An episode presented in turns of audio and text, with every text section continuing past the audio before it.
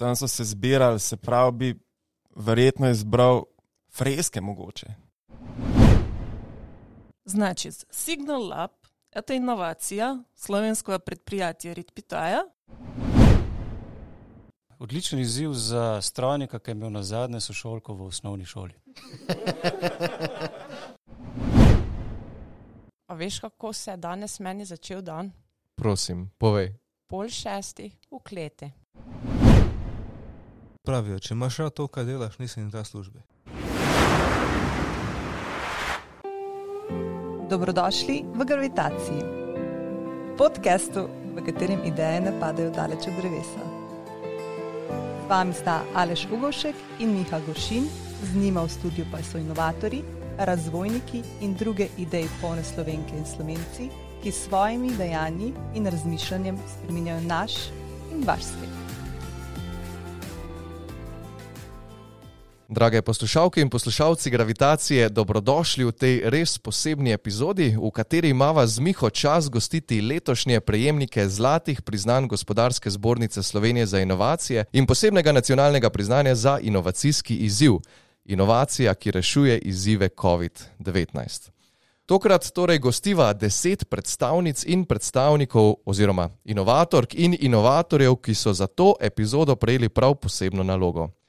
Vsak izmed njih je namreč dobil svojega izzivalca ali izzivalko iz druge organizacije, sam pa je pripravil izziv za njega. Priča bomo torej pravemu inovacijskemu izzivanju, ki bo brez dvoma zelo zanimivo. Preden pa začnemo z izzivi, je danes najprej čas za uspešek. Miha, kaj si pripravil danes za uspešek? Ja, današnji uspešek pa bom pomagal vsem vam objavljati slike na socialna omrežja. Vsi vemo, da lahko iskanje najboljših dimenzij za slike in za popolne objave vzame kar nekaj časa, in samo to obrazovanje lahko zahteva posebne softverje. Zato vam danes predstavljam orodje, ki bo ta proces olajšalo in vam slike obrezalo z uporabo umetne inteligence.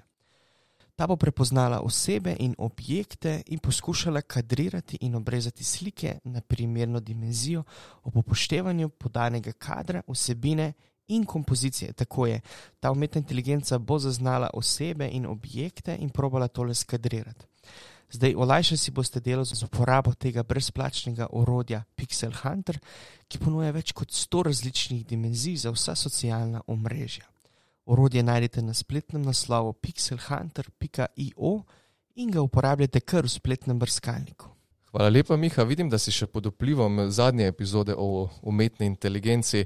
In za vse, ki si morda niste zapomnili spletnega naslova, najdete ga tudi v opisu tele epizode in pa na spletni strani.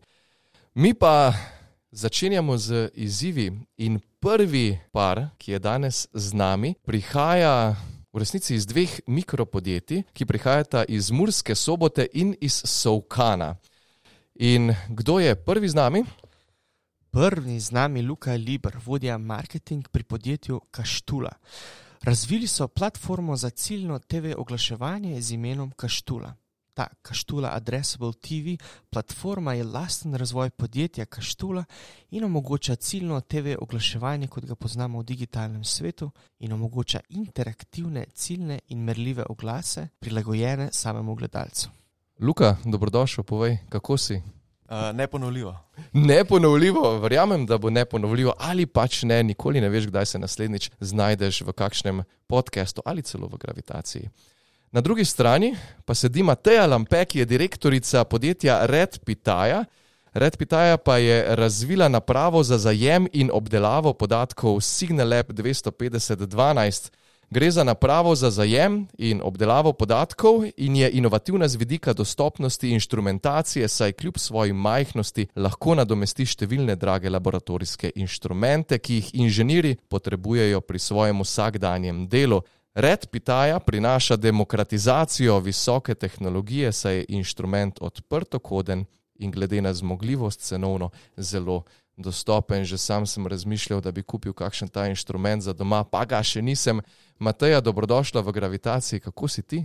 Odlično, hvala. Odlično. Mateja, dali ti bomo prednost, glede na to, da si dama, da si gospa. Dame imajo prednost. Pripravila si izziv za Luko in prosim, kakšen je ta izziv? Ja, ok. Luka, Zdaj, na vso to inovacijsko vrenje v Sloveniji ne, je samo vprašanje časa, kdaj bo nekdo prišel z izumom ali pa inovacijo časovnega stroja. In, naprimer, si ti beta tester tega časovnega stroja in se katapultiraš tam v 13. stoletje, v srednji vek, se veš v času vitezov in uh, princes in uh, gradov in gotskih crkva, pozabi na digitalizacijo. Seveda, kot uh, človek za presežen marketingu, pa še zmeraj se hočeš ukvarjati z oglaševanjem.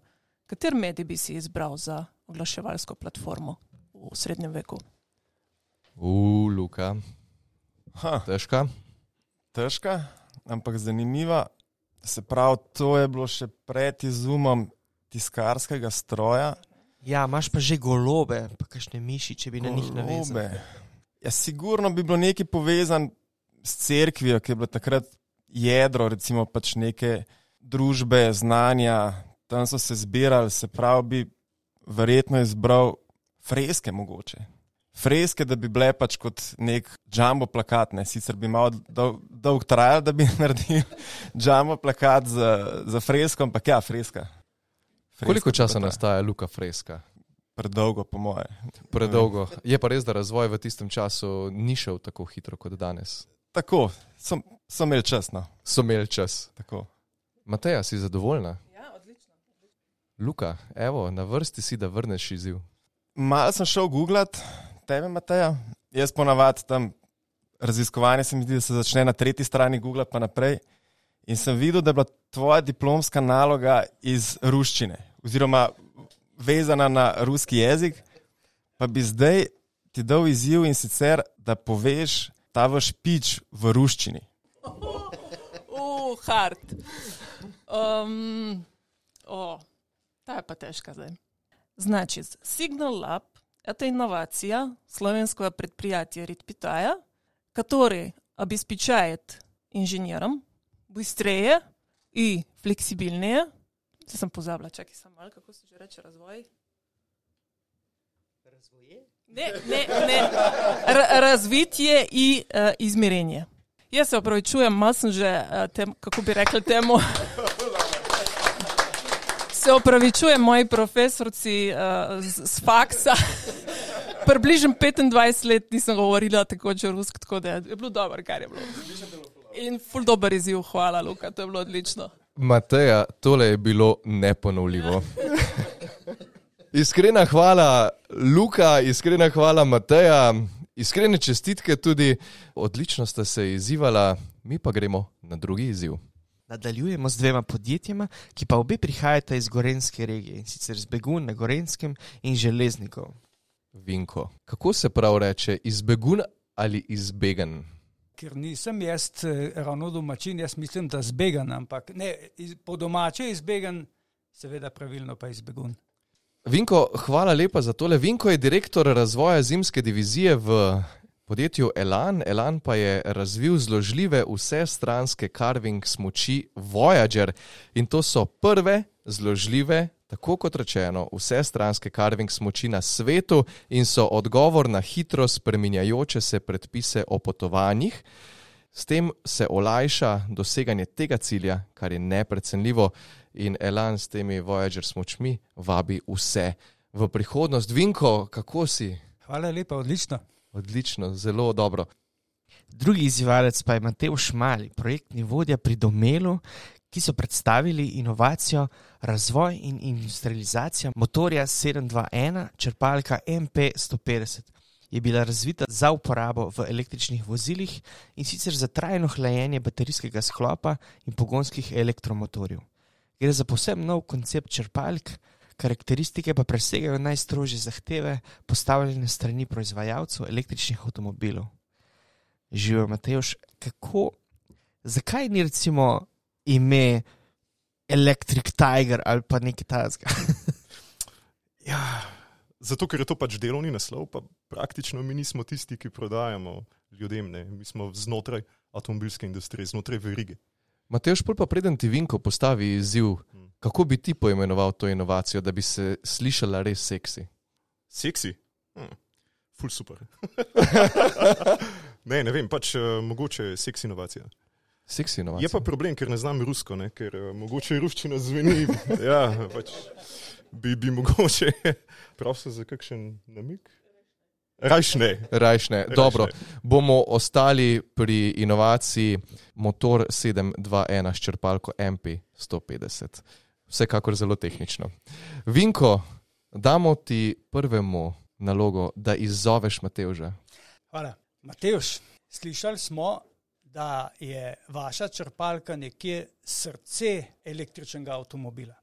Mnogi seveda v Sloveniji mislijo, da se pač elektrika pridobiva na vtičnici, ampak v resnici imamo v Sloveniji kar veliko problemov z pridobivanjem električne energije. Vemo, da imamo težave z vetrno energijo, ki moti ptiče, vemo, ne maramo velikih pol fotovoltaike, imamo skupine, ki se upirajo proti gradnji jezov na rekah, vemo, kako je z jedrskimi in termoelektrarnami. Zdaj pa predstavljaj si, da živiš nekje ob eni reki, kot je reka Mura, in se je država odločila, da bo tam v tvoji bližini postavila en energetski objekt. Niso ti dali možnosti, da se odločiš ja ali ne, ampak da izbereš, kakšen tip tega objekta bi postavili. Predvidevamo, da je to nek objekt 20 MW, to je ena mini, mini jedrska elektrarna ali 5-6 vetrnic ali nekaj kvadratnih kilometrov fotovoltaike. Kaj bi ti svetoval, oziroma kaj bi dovolil, da država postavi nekje blizu tvojega doma? Uf, Vinko, tole je pa res težko. V glavnem, ne, moram reči, da pf, za neko pametno odločitev si mi dal premalo podatkov, ne, ker vsaka izmed teh vrst pridobivanja električne energije je najbolj smiselna, da se uporabi tam, kjer so pogoji primerni za to.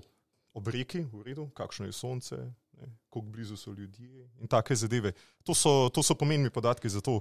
Če pa gledava na, na to, kaj se, recimo moje osebno mnenje, kaj se, kaj se meni zdi najboljš, upam, da ne bom koga razjezil, ampak um, mislim, da bi jaz raje postavil jedrsko elektrarno. Mislim, da ne bi šlo brez tega, da bi koga razjezil, glede na stanje v Sloveniji, ko se zdaj vsi jezijo.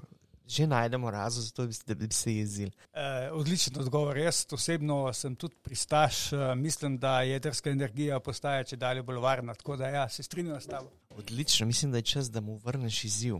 O, z veseljem, z veseljem. To je bilo nekaj težkega, Vinko. V glavnem, moj izziv, hm, res sem imel težavo zbrati izziv.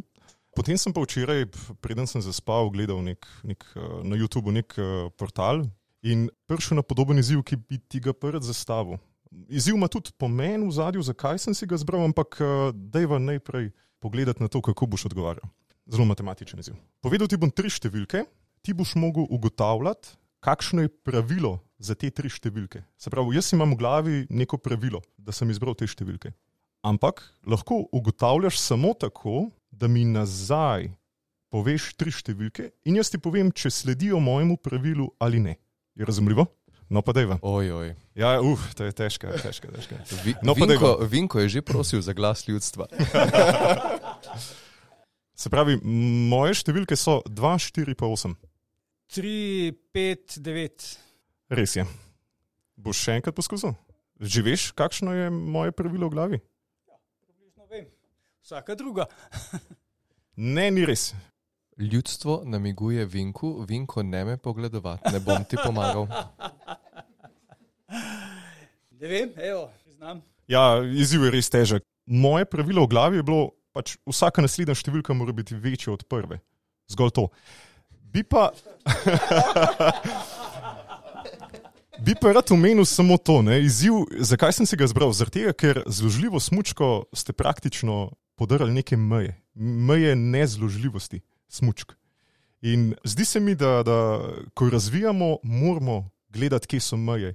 In način, katerega si se lotil, je hvale vreden.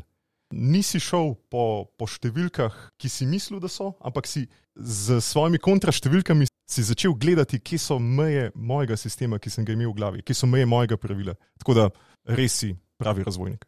Hvala lepa. Mateoš, super izziv, Vinko, prav tako tvoj izziv, super, odlično. Ampak Vinko ne se preveč sekirati, veš, jaz mislim, da je to izziv za take petletnike, šestletnike, sedemletnike, zato ker oni ne razmišljajo tako kompleksno kot mi. In verjetno, če bi dal svojemu sinu ali hčeri takšen izziv, bi ga takoj poštudiral. No, lepo poskusi, Aleš. Hvala lepa obema, iskrene čestitke tudi za nagrajeni inovaciji. Mi pa gremo na tretji par in v tretjem paru se bosta izzivala predstavnika dveh velikih slovenskih podjetij. Peter, pa predstavim za začetek tebe. Peter je projektni vodja v Danfosu Trati, razvili pa so inovacijo ABQM 4.0. Gre za tlačno neodvisen regulacijski ventil z visoko zanesljivim delovanjem v zahtevnem mediju.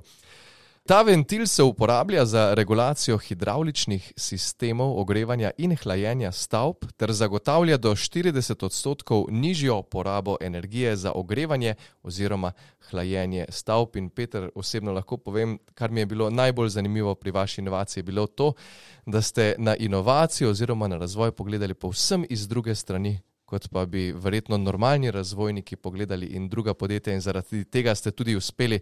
Peter, kako si? Zelo gravitacijsko tukaj. Zelo gravitacijsko, Ja. to se dobro sliši. Kdo pa je njegov izzivalec danes? Ja, drugi izzivalec, ki mu sedi zraven njega, pa je Igor Jurman, vodja razvoja novih izdelkov iz podjetja Hidrija. Ti so prijavili inovacijo elektronsko komutirani ventilator E ECR18. Ta je prispevek Hidrije k zmanjšanju globalnega segrevanja. V primerjavi s konkurenčnimi ventilatorji E ECR18 dosega do 20% boljšo energetsko učinkovitost in prispeva do 5000 kg manj emisij CO2. Peter, Igor, začeli bomo z Igorjem, I je pred P-jem. Igor, prosim, postavi izziv in da slišimo, kaj ima za Petra. Ok, Peter, za izziv sem dolgo razmišljal, kaj biti postavil. Vaših izdelkov ne poznam tako dobro, tako da sem se odločil, da ti dam tak bolj splošen izziv. Zdaj, če ti najprej opišem, pri nas v razvoju imamo razvoj razdeljen na več delov, kot je razvoj elektronike, eh, električnih motorjev, elis, konstrukcije, mehanske. In uh, smo v bistvu sami fantje. Zdaj pa me zanima, imaš ti kakšen svet, kako bi prišli, da bi v razvoju delalo več punc. Bo šlo, Peter? Mislim, da vi pa imate nekaj deklet. Hvala, Igor. Odličen izziv za strojnika, ki je imel na zadnje sošolko v osnovni šoli. Super. Ja, zdaj um, mogoče sta odgovora dva. Ne. Eden je tisti dolgoročen, drugi je pa kako čim prej priti do čim, čim več žensk v razvoju. Pa dajmo začeti z dolgoročnim. Očitno šolstvo ne zna uh, uspodbuditi uh, ženskega spola, da bi šel v te tehnične kadre, v to šolstvo naprej. In uh, mogoče je bilo treba tukaj kaj narediti. Da že v osnovni šoli nekako bolj ne vem, zanimivo predstavi to, uh, to zanimivo sfero znanosti tudi ženskemu spolu. Se pravi, predlagaš, da bi imeli peko piškoto, ampak pred peko bi recimo pol leta sestavljali pečico. V bistvu bi mogoče to celo pomagalo, ne? ker imam dve hčeri, ki sta zdaj proti koncu osnovne šole je zanimivo. No? Eh, Ja, glih eh, motorja ne bi šle zdaj razstavljati, pa sestavljati eh, tam, pa da bi imele masne roke v dolje, ampak ne vem, kakšne umare, pa police, pa predale predstavljati, to pa z veseljem. Tudi ob 11. zvečer. Torej, to je ta dolgoročni, dolgoročni odgovor. Ko pa čim hitreje, v bistvu projekt ni samo razvoj samega izdelka, konstrukcije, eh, kako dela, ampak je potem tudi testiranje izdelka, eh, nabava materijala, nabava kosov. In v Danfosu v bistvu uh, imamo te ekipe, ki niso samo razvojne, ampak so celostne, in iz teh sfer imamo pa precej žensk v razvojnih ekipah. No. Igor, boš lahko uporabil? E, ja, tista prva varianta, ne vem, če smo pripravljeni čakati toliko časa, da bo šolski sistem vse to naredil. Ta druga je pa, se sliši, zelo izvedljiva. No. Da, hvala, Peter. Bomo spremljali, koliko žensk bo prihajalo in, in koliko žensk bo rekrutiranih v naslednjih letih v Hidrijo. Peter, izvoli, tvoj izziv. Igor, uh, tudi jaz sem malo Google gledal. No? in uh, pravi, da si tudi ti tehnične stroke. V razvoju si ne želimo kakšnih uh, prevelikih uh, presenečenj, pa težav, ker razvijamo nov izdelek. Zato poskušamo čim bolj organizirati, pa planirati vse, da bo šlo čim bolj tekoče. Se pa nas vedno nekaj preseneti. In se mi zdi, da to tendenco organiziranosti, organiziranosti potem poskušamo tudi nekako v to naše privatno življenje spraviti. Zdaj, kakšen je tvoj nasvet ali pa trije korake, kako postati neorganiziran? Pa še pod vprašanje, a imaš rad presenečenje? Uh, niti ne, in to je sigurno eno od njih. Ne. Uh, prvič, ne, v bistvu v službi, ne, kjer smo, ali pa profesionalno, kjer delujemo 8 do 10 ur na dan, večina nas, uh, je res, ne, da si v nekem, um, nekem flow, ne, organiziranosti, vodenja, uh, usklajevanja in tako naprej. In uh, tega si gotovo naslednjih vem, 6 ur, kar ti še ostane, cel dan celega dneva še ne želiš početi. Ne. Tako da v bistvu v tem primeru, jaz bi rekel tako, ne, da si je treba najti mogoče nek šport, hobi, mogoče, kjer lahko doživiš tisto drug del, ne, kjer nisi tako. Naprimer, um, jaz pri svoji bi mogoče izpostavil svoj hobi, imam uh, vožnje teh freestyle dronov. Že sama freestyle dron pove, ne, vožnja ne pomeni, da nimaš nekega plana, ne, kje boš vozil to, ampak dejansko greš enostavno in se sproti odločaš, ne, kaj boš naredil, ovire, kako boš izvedel trik. Ne. Zelo podobno, veste, kot običajno ti deskari na valovih, ko iščejo ta popoln val ne, in da pol naredijo ta popoln trik, uh, je zelo podobno pri vožnji freestyle drona, ne, čakaš na popoln zavoj. Tle v bistvu vse lahko sprostiš ali pa oddaš od stran vse tisto, ne, organiziranost, planiranje, ker enostavno samo voziš. Ne. Igor, kako v zraku postaviš ovire za drona? V bistvu pri freestyle načinu uh, vožnje je v bistvu to posebnost, da v bistvu ti greš v neko okolje, v bistvu niti ni zelo poznano, ne? naprimer greš v en park, kjer je polno dreves. In uh, ko letiš, nimaš začrtane poti, ne? ti enostavno iščeš pot, vse čas in se hitro odločaš. Sicer to hitro odločanje ne, je povezano tudi v službi zelo hitro, ne? ampak to ni čisto isto, ampak večino ne, tega je pa popolnoma prosto ne planirano, ne organizirano. A to si prvo predstavljam, to je vožnja s kamero, pa z očali ali, Tako je. ali tekaš za dronom? Upam, da ne. Ne, ne, ne, ne. To, je, to je v bistvu freestyle drone, verjetno vsi poznate, pa če ga na hitro opišem, to je v bistvu dron, ki ga poznamo, štiri liste, štiri motorje, elektronika in ohišje. Na vrhu je montirana običajno še ena eh, HD kamera, ki ti poskrbi za nek eh, visoko resolucijski posnetek, naprimer 4K. Pa imaš pa še eno mehko kamero z nizko resolucijo, ampak zelo hitro.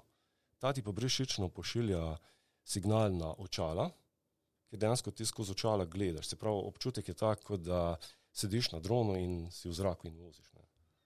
Hvala lepa, Igor, za tole. Skoraj si naredil tutorial, uh, morda celo posnameš kakega na YouTubu za vse poslušalke in poslušalce in tudi širše.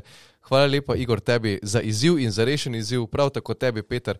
Čestitke obema in obema podjetjema za res odlične inovacije in vse dobro še naprej. Nadaljujemo s predstavnikoma najsevernejših inovacij to leto in sicer Raven na Koroškem in Gorne Radkone. In iz Rave na Koroškem prihaja Peter Kirbiš, ki je razvojni inženir v podjetju Si Metal Ravne. Razvili so orodno jeklo za delo v vročem z izboljšano toplotno prevodnostjo in to jeklo se imenuje Citerm S140R.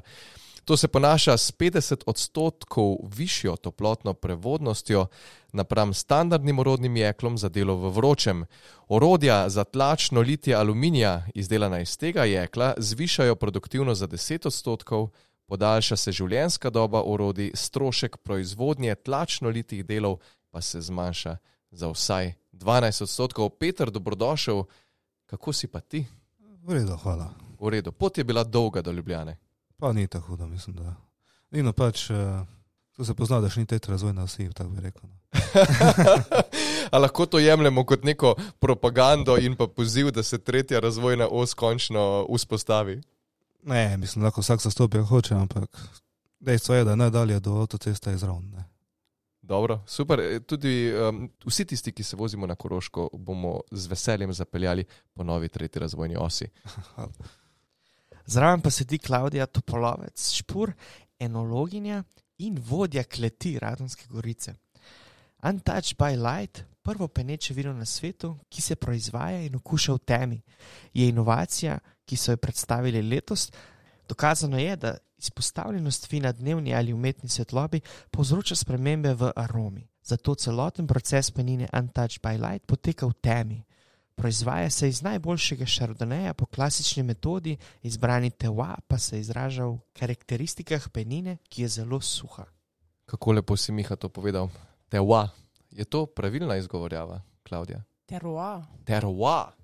Terwa, potlem je pa Google se zlagal. Google je rekel tewa. François. Tudi Google in umetna inteligenca. Kdaj zatajita? Klaudija, kako si pa ti? Hvala. Gravitacijsko pomirjajoče. A veš, kako se je danes meni začel dan? Prosim, povej. Pol šestih v kleti. O pol šestih v kleti. Moram reči, tam si se zbudila ali tja si prišla? Um, v bistvu sem se potem tudi zbudila. Ne? Veste, mi smo sedaj na vrhuncu sezone, trgatev je na vrhuncu. To pomeni, da sem zjutraj najprej v kleti šla skozi vseh sto in nekaj cistern, malo povonjala, degustirala nisem, povonjala mošte in potem veselo proti Ljubljani. Lepo, da smo razbili kakršno koli možnost o govoricah, kaj je Klaudija počela ob tako zgodni uri v kleti. Hvala, da si to povedala, Klaudija, in imaš priložnost, da kot prva izzoveš v tem paru. Izvala boš Petra, kako ga boš izvala? Ja, Peter, izvala te bom v bistvu zelo enostavno, ne bom nekaj um, dolgovezila, ampak glede na to, da se kar nekaj časa pri nas že obadamo tudi s kadrovsko stisko, mi je nekako prišla na misel ideja, da pa bi morda ti želel nekako zamenjati to svojo branžo z branžo v vinarstvu. In pred, v, glede na predpostavko, da prihajaš v Radgonsko klet kot pomočnik enologa, seveda je potreben tudi neki preizkus. Brez skrbi ne bova danes degustirala penine, ampak vseeno določene materijale pa je zelo dobro, da jih spoznaš preden potem uh, v takšni branži tudi uh, delaš. Zato sem jaz prinesla danes nekaj pripomočkov in če se še malo naveže na našo inovacijo Penino and Touch by Light, ki je pridelana v popolni temi, torej z vsemi proizvodnimi procesi, ki potekajo v temi, sem se odločila, da boš pa ti tudi ta izziv izvedel v temi. Zato sem prinesla tudi zaščito za oči, ki si boš jo nadel. No, in potem pa imam tudi neke pripomočke, eh, za katere bi pa želela, da kot bodoči enolog jih tudi prepoznaš in strokovno opredeliš. Petra, si sploh pripravljena na ta izziv? Tako, zdaj bi prosila, če si najprej nadeneš um, to zaščito. Upam, da me ne vidiš. Okay. Tako, zdaj po vrsti bom ti zložila na mizo tri rekvizite. Niso noži, brez niso, skrbi. niso. Za katere bi potem, oziroma tri, štiri, da jih potem strokovno imenuješ. Peter, lahko začneš. Okay. No, prvi sem videl, da je plutovinac zamašek. To je kabel. a Ne? To je kabel. Ja. To je kovinsko žično, oziroma žično to držalo za ta zamašek, za šampanjec, da zdrži nad tlak. Ja, nadaljujemo. A, to? to pa zdaj kot neka kartonska embalaža, oziroma tisto, kar pride na vrh flaše, ko se zapre. Imam občutek, da si ti že odpiral kaj tasga, ne? Ja. Zelo hiter ti gre. A bi lahko to bila etiketa? Ja, hvala. Zdaj si lahko tudi snameš eh, zaščito za oči. Moram reči, da si izziv kar uspešno izvedel. Morda še ti rabiš malo strokovne podlage eh, glede poimenovanja, ampak ja, dobrodošel v Radgone. Je pa verjetno bila ena napaka, ne? Peter je rekel, da je to šampanjec. Eh, Morda za vse razložiš, da to ni šampanjec. Ja, ne? res je. V bistvu, čeprav gre za uh, isto metodo proizvodnje, se naziv šampanjec sme izključno uporabljati za peneča vina, pridelana v šampanji. E, torej, pri nas pa uporabljamo takšen lep slovenski izraz penina. No in mimo grede lahko povem, prav ta izraz penina iz leta 1977 izvira dejansko iz Radgonske kleti. Klaudija, predtem ti Peter vrne izziv, bi še nekaj vprašal, a se je mogoče povečalo kaj število poškodb, odkar delate stvari v temi? kako, kako to, kaj to pomeni? da Zdaj, je- eh, to je lahko zelo širok pojem, kaj se je povečalo, ampak fizičnih poškodb pa ne. No, super, no, super. Delamo z občutkom.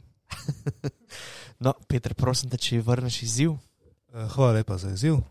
Zdaj, ko sem jaz razmišljal o izzivu za tebe, sem prvo gledal, kaj nas povezuje. In sem v bistvu videl, da sta metalurgija in izdelava penine v bistvu zasnovana na enakem temelju. To ne mislim zdaj ljubezen do vina, ampak fazni diagram.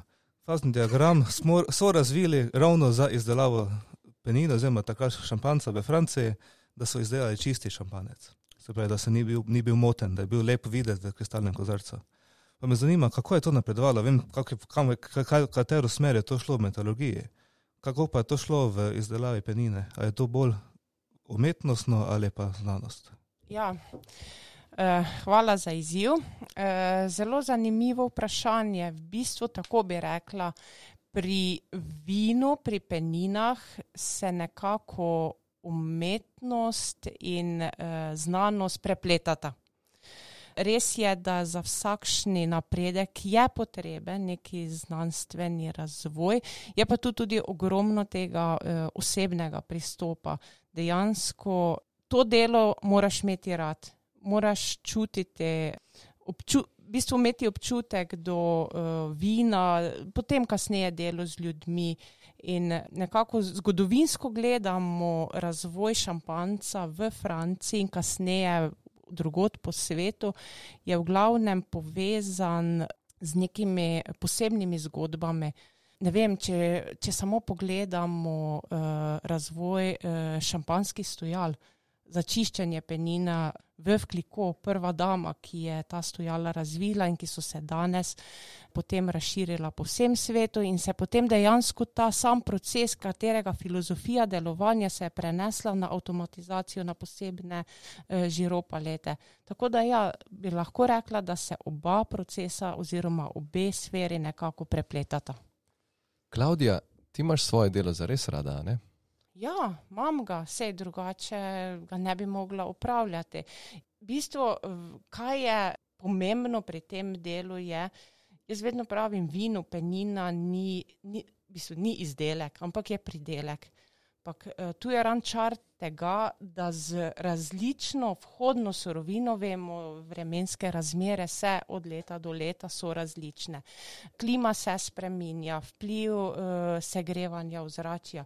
Ampak uh, pridelati pridelek, katerega potrošnik teh vplivov ne uh, prepozna iz letnika v letnik. In to se meni zdi uh, tisti čar, ta, uh, to bogatstvo tega dela.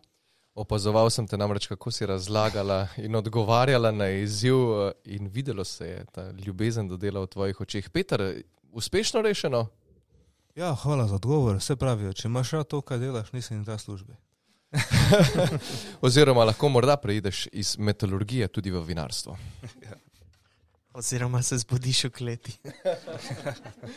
Klaudija in Peter, najlepša hvala, iskrene čestitke obema za vaše inovacije, za vajni inovaciji in uh, uspešno še naprej. Mi pa gremo na zadnji par. Povsem na koncu tele epizode Gravitacije pa se bosta izvala predstavnika organizacij, ki sta razvili inovacijo, ki odgovarja na izzive COVID-19. In prva predstavnica je. Ja, z nami je Špela Režun, direktorica VDC Zasavja. Inovacija gradimo vključujoče, inovativno in povezano Zasavje. Je inovativen koncept vključevanja odraslih oseb s posebnimi potrebami v družbo. Projekt je izgrajen celovito v dveh temeljih hkrati: samozavestnost uporabnikov VDC in kreativno medsektorsko sodelovanje vodilnih zaposlenih, učiteljev in otrok. Inovacija je prejela posebno nacionalno priznanje za inovacijski izziv reševanja izzivov COVID-19. Špela, kako si? Posebno. posebno. Danes imate še posebno poseben dan, kolikor sem prej razumel, preden smo pričeli s snemanjem. Zelo pestro in zelo aktivno na področju vaše inovacije. Zelo aktivno, tako da uporabljamo tisto, kar smo izumili, če tako rečem. Za vse tiste, ki ne veste, kaj pomeni VDC, to, to je varstveno delovni center Zasavje. Z nami na drugi strani pa je Marjan Hosta, ki je vodja razvoja v podjetju Iskra Pio, prihajajo iz Šentjerneja. Razvili so inovacijo Pio Flash dekontaminacijski sistem in to je inovativen in tehnološko dovršen način distribucije dekontaminacijskega sredstva na osnovi vodikovega peroksida ki zagotavlja generiranje zelo, zelo drobnih kapljic, katere se zaradi kombinacije uparjalne faze in suhe megle homogeno razporedijo po prostoru ter dosegajo odlične rezultate mikrobiološke dezinfekcije. Integrirati ga je možno v kompleksnejše in tudi enostavnejše sisteme za popolno dezinfekcijo določenega okolja. Tako le, Marjan, povej še ti, kako se pa ti počutiš danes? Si očiščen, dezinficiran, sproščen? E, popolnoma očiščen. Popolnoma očiščen česa? Strahov. Strahov, odlično. Da bomo začeli po damsko, po džentlmensko, bomo tokrat zopet dali prednost dami Špela, prosim, kakšen izziv si pripravila za Marjana? Ja, stična točka je čisto. Podjetje proizvaja oziroma dela vse za čisto industrijo, čisto okolje. Pa me zanima, kako pa skrbite za čiste odnose med zaposlenimi v organizaciji, ki je že kar velika, 128 sem prebrala, da vas je. 30-letnico letos praznujete in me zanima, kako čisti odnosi, povezava z neformalnimi druženji, praznovanje vseh teh priznanj, ki jih dobivate, obletnice. Wow, špila, to pa, to pa je izziv. Ja, hvala za izziv. Glede na to, da prihajamo iz Dolenske, druženja mislim, da nam kar uspevajo, se pravi, še najbolj na kakšni neformalni ravni. Mi sicer ne, ne, ne začnemo dneva v kleti, ga pa mogoče včasih končamo. Drugače pa ja, eh, se pravi, z nekako eh, poskušamo zadevo realizirati z sproščenostjo, z ne preveč formalnostmi, ki se mi zdi, da lahko zelo omejijo eh, normalne odnose. Tako da mislim, da nam sicer to kar ratuje in da, da poskušamo res z, z vsakdanjim življenjem to probati re, realizirati na čim bolj sproščen način. Mislim, da kot internečen sam lahko to potrdim, da imam jaz tudi občutek, da je dol taka klima. No, in če je taka klima, kot jo hvalite, Marjan, povej, kdaj ste na zadnje zaključili v kleti? Včeraj zvečer. Ja, pa res. Ampak se pravi, ne kot eh, ekipa, eh, bolj kot posamično, ker se oglih eh, vino zori. No, potem vendarle ta mit drži, ki smo ga danes izpostavili, šentjernejčani nimajo problema z druženjem in s čistostjo odnosov. Marjan, hvala lepa. Špela si zadovoljna s tem odgovorom, boš lahko uporabila. Veš, kam iti, se pravi, konec dneva v klet. Marjan, kakšen izziv pa si ti pripravil za? E, špela, z vsem spoštovanjem gledamo na vaše delo, predvsem na to, kako vključujete izključene v družbo.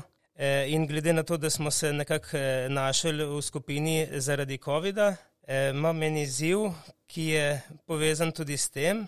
Čestitam vam, da v centru niste imeli rdeče cone, pa me zanima, in se pravi, to je tudi nekako povezano z vašo inovacijo. Me pa zanima, kako bi to eh, prenesli na splošno atmosfero oziroma na, na širšo družbo, da bi se rešili takih, eh, se pravi, takih epidemij oziroma širjenja. Hvala za to vprašanje, ker glih to nam je cilj. Ne? Kako razširiti to miselnost v javnem sektorju, ko je velika tako, da se nič ne da. In ena izmed takih aktivnosti, ko zdaj le poteka, tudi na spletni strani, so VIP poti do zdravja, kar pomeni, da kjerkoli v Sloveniji se lahko pridružijo, aj zavodi, VDC, šole, vrtci, lahko tudi podjetja in upravljate izzive, ki so narejeni na spletni strani in sicer v čast rožnatega oktobra, ker smo to že deseto jubilejno, je zdaj včasih smo se dobivali, zdaj dve leti so pa to virtualne poti do zdravja. To je en način, drug je pa, da imamo skupnost uh, slovenskih VDC-jev In tisto bom rekla, kar mi spoznamo, vidimo, prenašamo naprej. Ne? To je malo razlika med rekla, telem gospodarskimi inovacijami, ki se zaščitijo in mi imamo zmer tukaj, ko pišemo, malo probleme, ker mi pa ne zaščitimo, ampak želimo širiti. Marjan, zadovoljen? Ja, hvala, super. Špela, hvala lepa še tebi za tale izziv in za rešen izziv. Povej. Imam še izziv za vajo. Te, to se pa nismo zmenili, špela, ampak Se izvoli. veliko nismo zmenili. Izvoli. Mislim, da se tudi mi med sabo nismo dogovarjali, zakaj sem jaz danes v zelenem. Zakaj si ti danes v zelenem? Pa še lepo kočem. Ja, greva na romantično stran. Povezan je z mojim poklicem oziroma z inštitucijo, Vidim, da nosiš značko najprej si človek. To verjetno nima povezave z zeleno barvo. Tudi ima.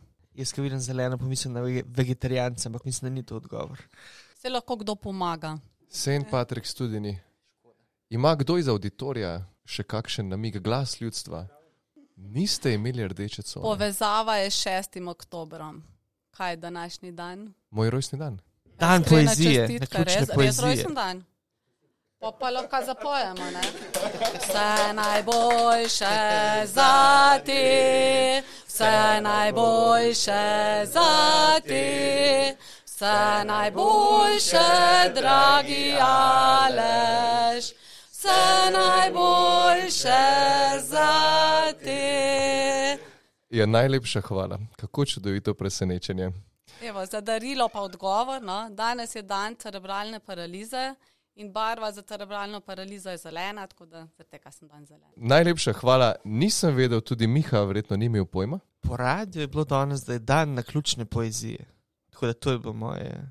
No, sedaj vidimo, kje so prioritete. Verjetno ja. danes so prioritete tam nekje na ulicah Ljubljane, vsaj kasneje. Ampak prioritete v razvoju in v inoviranju v Sloveniji so povsem druge in z nami so bili danes predstavniki teh inovacij, ki res razvijajo izjemne stvari v slovenskem okolju in ki so prihodnost naše Slovenije. Iskrena hvala vsem desetim, ki ste danes gostovali v gravitaciji. Iskrene čestitke še enkrat, čudoviti ste in zelo lepo vas je bilo, vas je in vas še bo spremljati. Prav tako čestitke vsem ostalim inovatorkam in inovatorjem, ki ste prejeli druga nacionalna priznanja na dnevu inovativnosti.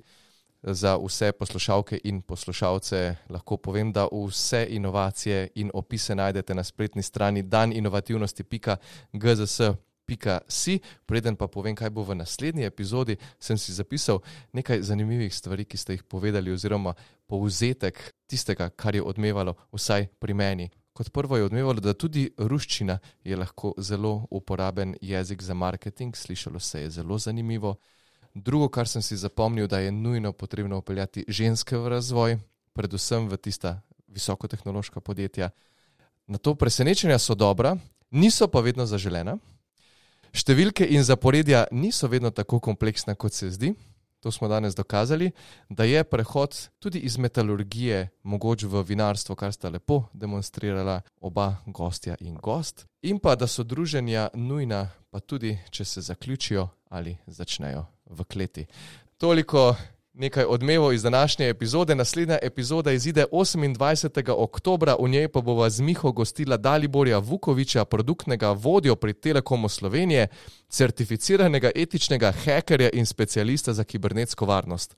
Epizodo z njim o kibernetski varnosti bomo posneli na dogodku Gravitacija Live, torej v živo ki bo potekala 20. oktober 2021 ob 13. uri v digitalnem središču Slovenije v Ljubljanskem BTC-u. Vabljeni, da se nam pridružite v živo, vsem pa želimo lep dan in vse dobro.